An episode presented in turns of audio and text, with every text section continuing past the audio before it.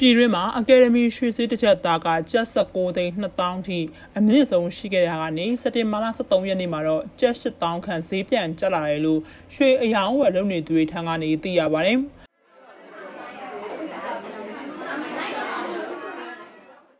ဖေဖော်ဝါရီလ၁ရက်နေ့ကစစ်တပ်အာဏာသိမ်းပြီးတဲ့နောက်ပိုင်းမှာပြည်တွင်းအကယ်ဒမီရွှေစည်းကတစ်ချက်သားကို14သိန်း2000ရှိခဲ့ရကနေဈေးကတဖြည်းဖြည်းမြင့်တက်လာပြီးစစ်အာဏာသိမ်းပြီး9လအကြာမှာတော့19သိန်း2000 2000ထိအမြင့်ဆုံးဈေးထိရှိခဲ့တာပါ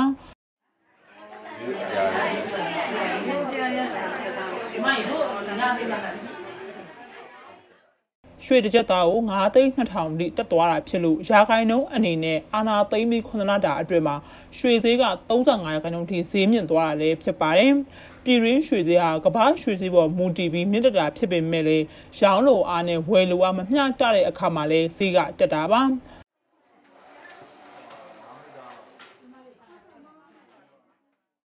စက်တင်ဘာ23ရက်နေ့မွန်လတနာရီမှာပြည်တွင်းအကယ်ဒမီရွှေစည်းကတစ်ချက်သားကို18သိန်း4200ထိဈေးပြန်ဖွင့်လာတာလည်းဖြစ်ပါတယ်။လက်ရှိမှာရန်ကုန်မြို့မှာအကယ်ဒမီရွှေအတုံးအယောင်အဝယ်ရေးဈေးကွက်မှာအယောင်အဝယ်ကပြီးခဲ့တဲ့ရက်တွေကလိုဝယ်လိုအားများလို့အယောင်ဘက်ကအော်ရာရရတဲ့အခြေအနေမျိုးမဟုတ်ပဲလိုသူကြောင့်လိုသူဝယ်ပုံမှန်အခြေအနေကိုပြန်ရောက်နေရလို့သိရပါတယ်။ ရန်ကုန်ရွှေရောင်းဝယ်ရေးကုန်စည်တိုင်းမှာအယောင်ဝယ်ဖြစ်တဲ့ရွှေနဲ့ငွေကြေးတည်ယူရမှာအခက်အခဲမရှိအောင်ရန်ကုန်တိုင်းဒေသကြီးရွှေလုပ်ငန်းရှင်များအသင်းကဥဆောင်ပြီးရန်ကုန်တိုင်းအတွင်းမှာရှိတဲ့အသင်းဝင်တွေကိုရွှေနဲ့ကြက်ငွေတည်ယူခွင့်လက်မှတ်တွေထုတ်ပေးဖို့အတွက်စက်တင်ဘာလ17ရက်နေ့မှာပြုလုပ်ခဲ့တဲ့ရန်ကုန်တိုင်းဒေသကြီးရွှေလုပ်ငန်းရှင်များအသင်းရဲ့အသင်းသားစုံကြီးအစည်းအဝေးမှာလည်းဆုံးဖြတ်ခဲ့ကြပါသေးတယ်။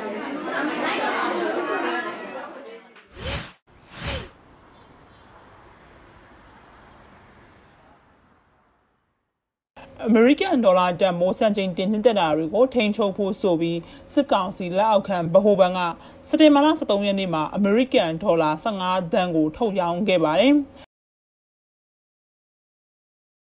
စက်တင်ဘာလ12ရက်နေ့ကဒေါ်လာလဲလှယ်နှုန်းပြင်ပပေါက်စီကဒေါ်လာကိုကျပ်2050ထိစံချိန်တင်မြင့်တက်ခဲ့ပြီးတဲ့နောက်ပိုင်းမှာဗဟိုဘဏ်ကလေးလံအတွက်ပြန်မြငွေလဲလှယ်နှုန်းကိုဒေါ်လာကိုကျပ်1950သတ်မှတ်ပြီး ဒေါ်လာတွေထုတ်ရောင်းခဲ့တဲ့နေ့မှာတော့ဒေါ်လာဈေးက7990အထိပြန်ကျသွားခဲ့ပါတယ်။ဗဟိုဘဏ်အနေနဲ့အခုစက်တင်ဘာလအတွင်းမှာပထမဆုံးအကြိမ်အနေနဲ့အမေရိကန်ဒေါ်လာ15သန်းကိုထုတ်ရောင်းချခဲ့တာဖြစ်ပါတယ်။ဗဟိုဘဏ်ဟာဈေးပြိုင်လေးလံတဲ့ဖေဖော်ဝါရီလမှာအမေရိကန်ဒေါ်လာ6.8သန်း၊ဧပြီလမှာအမေရိကန်ဒေါ်လာ12သန်းမေလမှာအမေရိကန်ဒေါ်လာ24သန်း၊ဇွန်လမှာအမေရိကန်ဒေါ်လာ12သန်းနဲ့ ဇူလိုင်လမှာအမေရိကန်ဒေါ်လာတန်39တန်၊ဩဂုတ်လမှာအမေရိကန်ဒေါ်လာ28တန်ရောင်းချခဲ့ပါတယ်။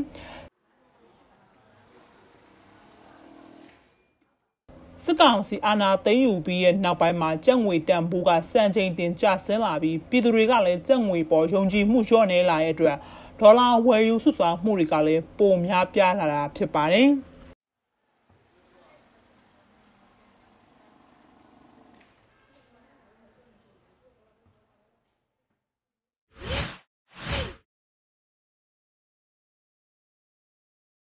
အာနာသိန်းစစ်ကောင်စီကကျွန်းတစ်လုံးခွဲသားတန်ချိန်2500ကျော်အပါအဝင်တစ်တန်12500ခန့်ကိုအွန်လိုင်းစနစ်နဲ့တင်နာခေါ်ယူရောင်းချသွားမယ်လို့စစ်ကောင်စီရဲ့လက်အောက်ခံဝါရဖြန့်သတင်းစာတွေမှာကြေညာလိုက်ပါတယ်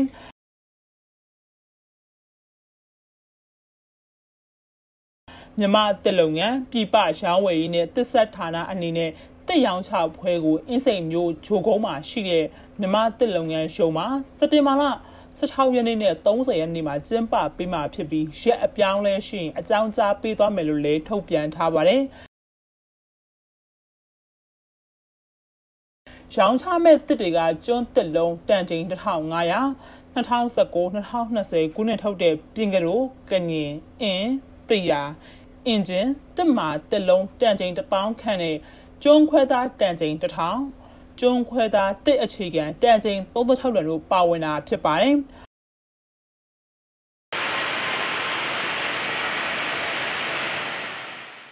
အာနာသိန်းစစ်ကောင်စီအနေနဲ့ဝင်ဝေရှာဖွေဖို့အတွက်နိုင်ငံတရံစရတွေကိုတင်နာခေါ်ယူရောင်းချနေတာက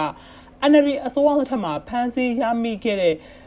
တန်သိန်းနဲ့ချီတဲ့တစ်တွေကိုလည်းတင်နာခေါ်ရောင်းချမှုတွေကစတိုက်ဆိုသလိုပြုလုပ်ခဲ့ရလဲဖြစ်ပါတယ်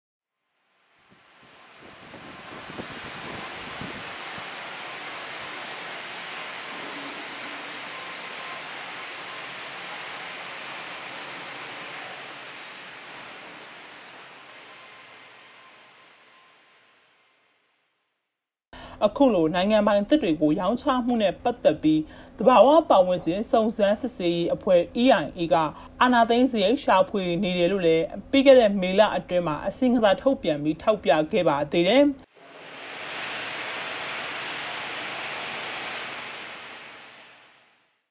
အခုလိုနိုင်ငံပိုင်တရားစကားတွေကိုရောင်းချပြီးစစ်ကောင်စီဝင်ဝင်ရှာဖွေရတဲ့ပတ်သက်ပြီးအမျိုးသားညီညွတ်ရေးအစိုးရ NUG အနေနဲ့လုံးဝလက်ခံမှာမဟုတ်ကြောင်းနဲ့ပါဝင်ပတ်သက်နေတဲ့ကုမ္ပဏီလုပ်ငန်းရှင်တွေကိုအမိပြတ်စီးရင်သွင်းပြီးအရေးယူမယ်ဆိုတာကိုလည်းသတိပေးထားတာဖြစ်ပြီးလေလံတရောင်ချမှုမှာပါဝင်နေတဲ့ဝန်ထမ်းတွေကိုလည်းပြည်သူပိုင်ပစ္စည်းဖျောက်ဖျက်မှုပြည်သူဗန္နာအလွဲသုံးစားလုပ်မှုတွေနဲ့အမိပြတ်စီးရင်တင်သွားမယ်လို့လည်း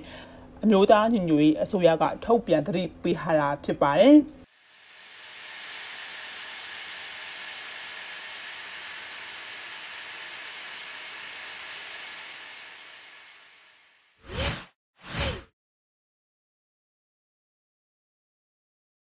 စစ်ကောင်စီရဲ့တိုက်ခိုက်မှုတွေကနေမြန်မာပြည်သူတွေကိုကူညီကာကွယ်ပေးဖို့အတွက်နိုင်ငံတကာအတိုင်းဝိုင်းကိုအားကိုးလို့မရတော့ဘူးလို့အမျိုးသားညီညွတ်ရေးအစိုးရ NUG ကစက်တင်ဘာလ23ရက်နေ့မှာကြေညာလိုက်ပါတယ်။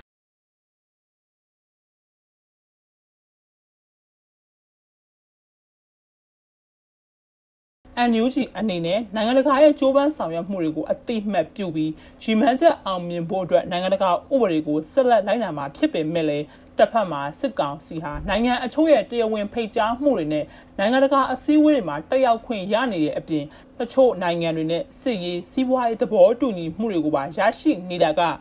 NUG ရဲ့တရားဝင်အစိုးရဖြစ်မှုကိုထိခိုက်မှုတွေရှိလာတယ်လို့လည်းကြေညာချက်ထဲမှာဖော်ပြထားပါတယ်။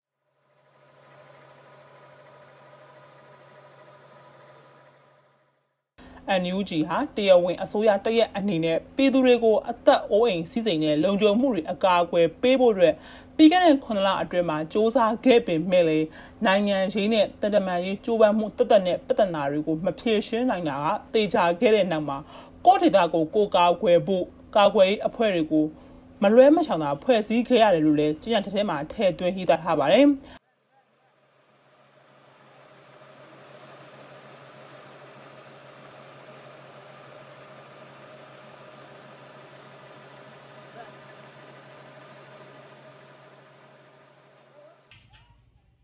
နိုင်ငံလုံးမှာခုခံရေးအဖွဲ့တွေကိုဖွဲ့စည်းပြီးခုခံတော်လှန်မှုတွေကိုစတင်နေပြီဖြစ်တဲ့အတွက်ဒီကလအတွင်းမှာစစ်ကောင်စီရဲ့အကြမ်းဖက်မှုတွေပိုမြင့်နိုင်ပေမဲ့လည်းပြည်သူတွေအနေနဲ့အမျိုးသားညီညွတ်ရေးအစိုးရနဲ့ပူးပေါင်းဆောင်ရွက်ကြဖို့ကိုလည်းတိုက်တွန်းထားပါတယ်ဒါအပြင်နိုင်ငံတကာအတိုင်းအဝိုင်းအနေနဲ့အမျိုးသားညီညွတ်ရေးအစိုးရ NUG ကို ပြည်သူတွေကရွေးချယ်တင်မြှောက်ထားတဲ့တရားဝင်အစိုးရတရက်အနေနဲ့အတိမတ်ပြုတ်ပေးဖို့ကိုလည်းထပ်မံတိုက်တွန်းတယ်လို့ NUG ကကြေညာတဲ့ထဲမှာဖော်ပြထားပါတယ်။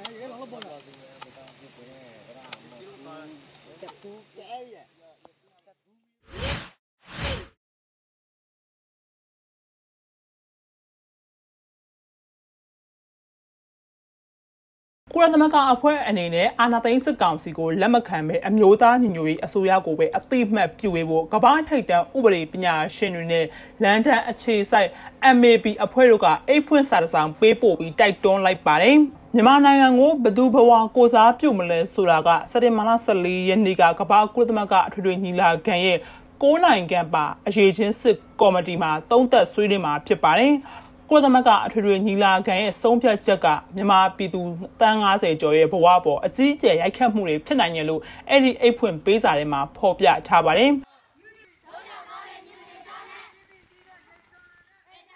အာဏာသိမ်းစစ်ကောင်စီကသူတို့ကိုအတိမတ်ပြုလက်ခံမှုကုလသမဂ္ဂအတွေ့အမှုချုပ်ထံစာရေးတောင်းဆိုခဲ့ပြီးဒါပေမဲ့ကုလသမဂ္ဂသမိုင်းတစ်ချောင်းမှာဒီလိုအတိမတ်ပြုပေးမှုတွေက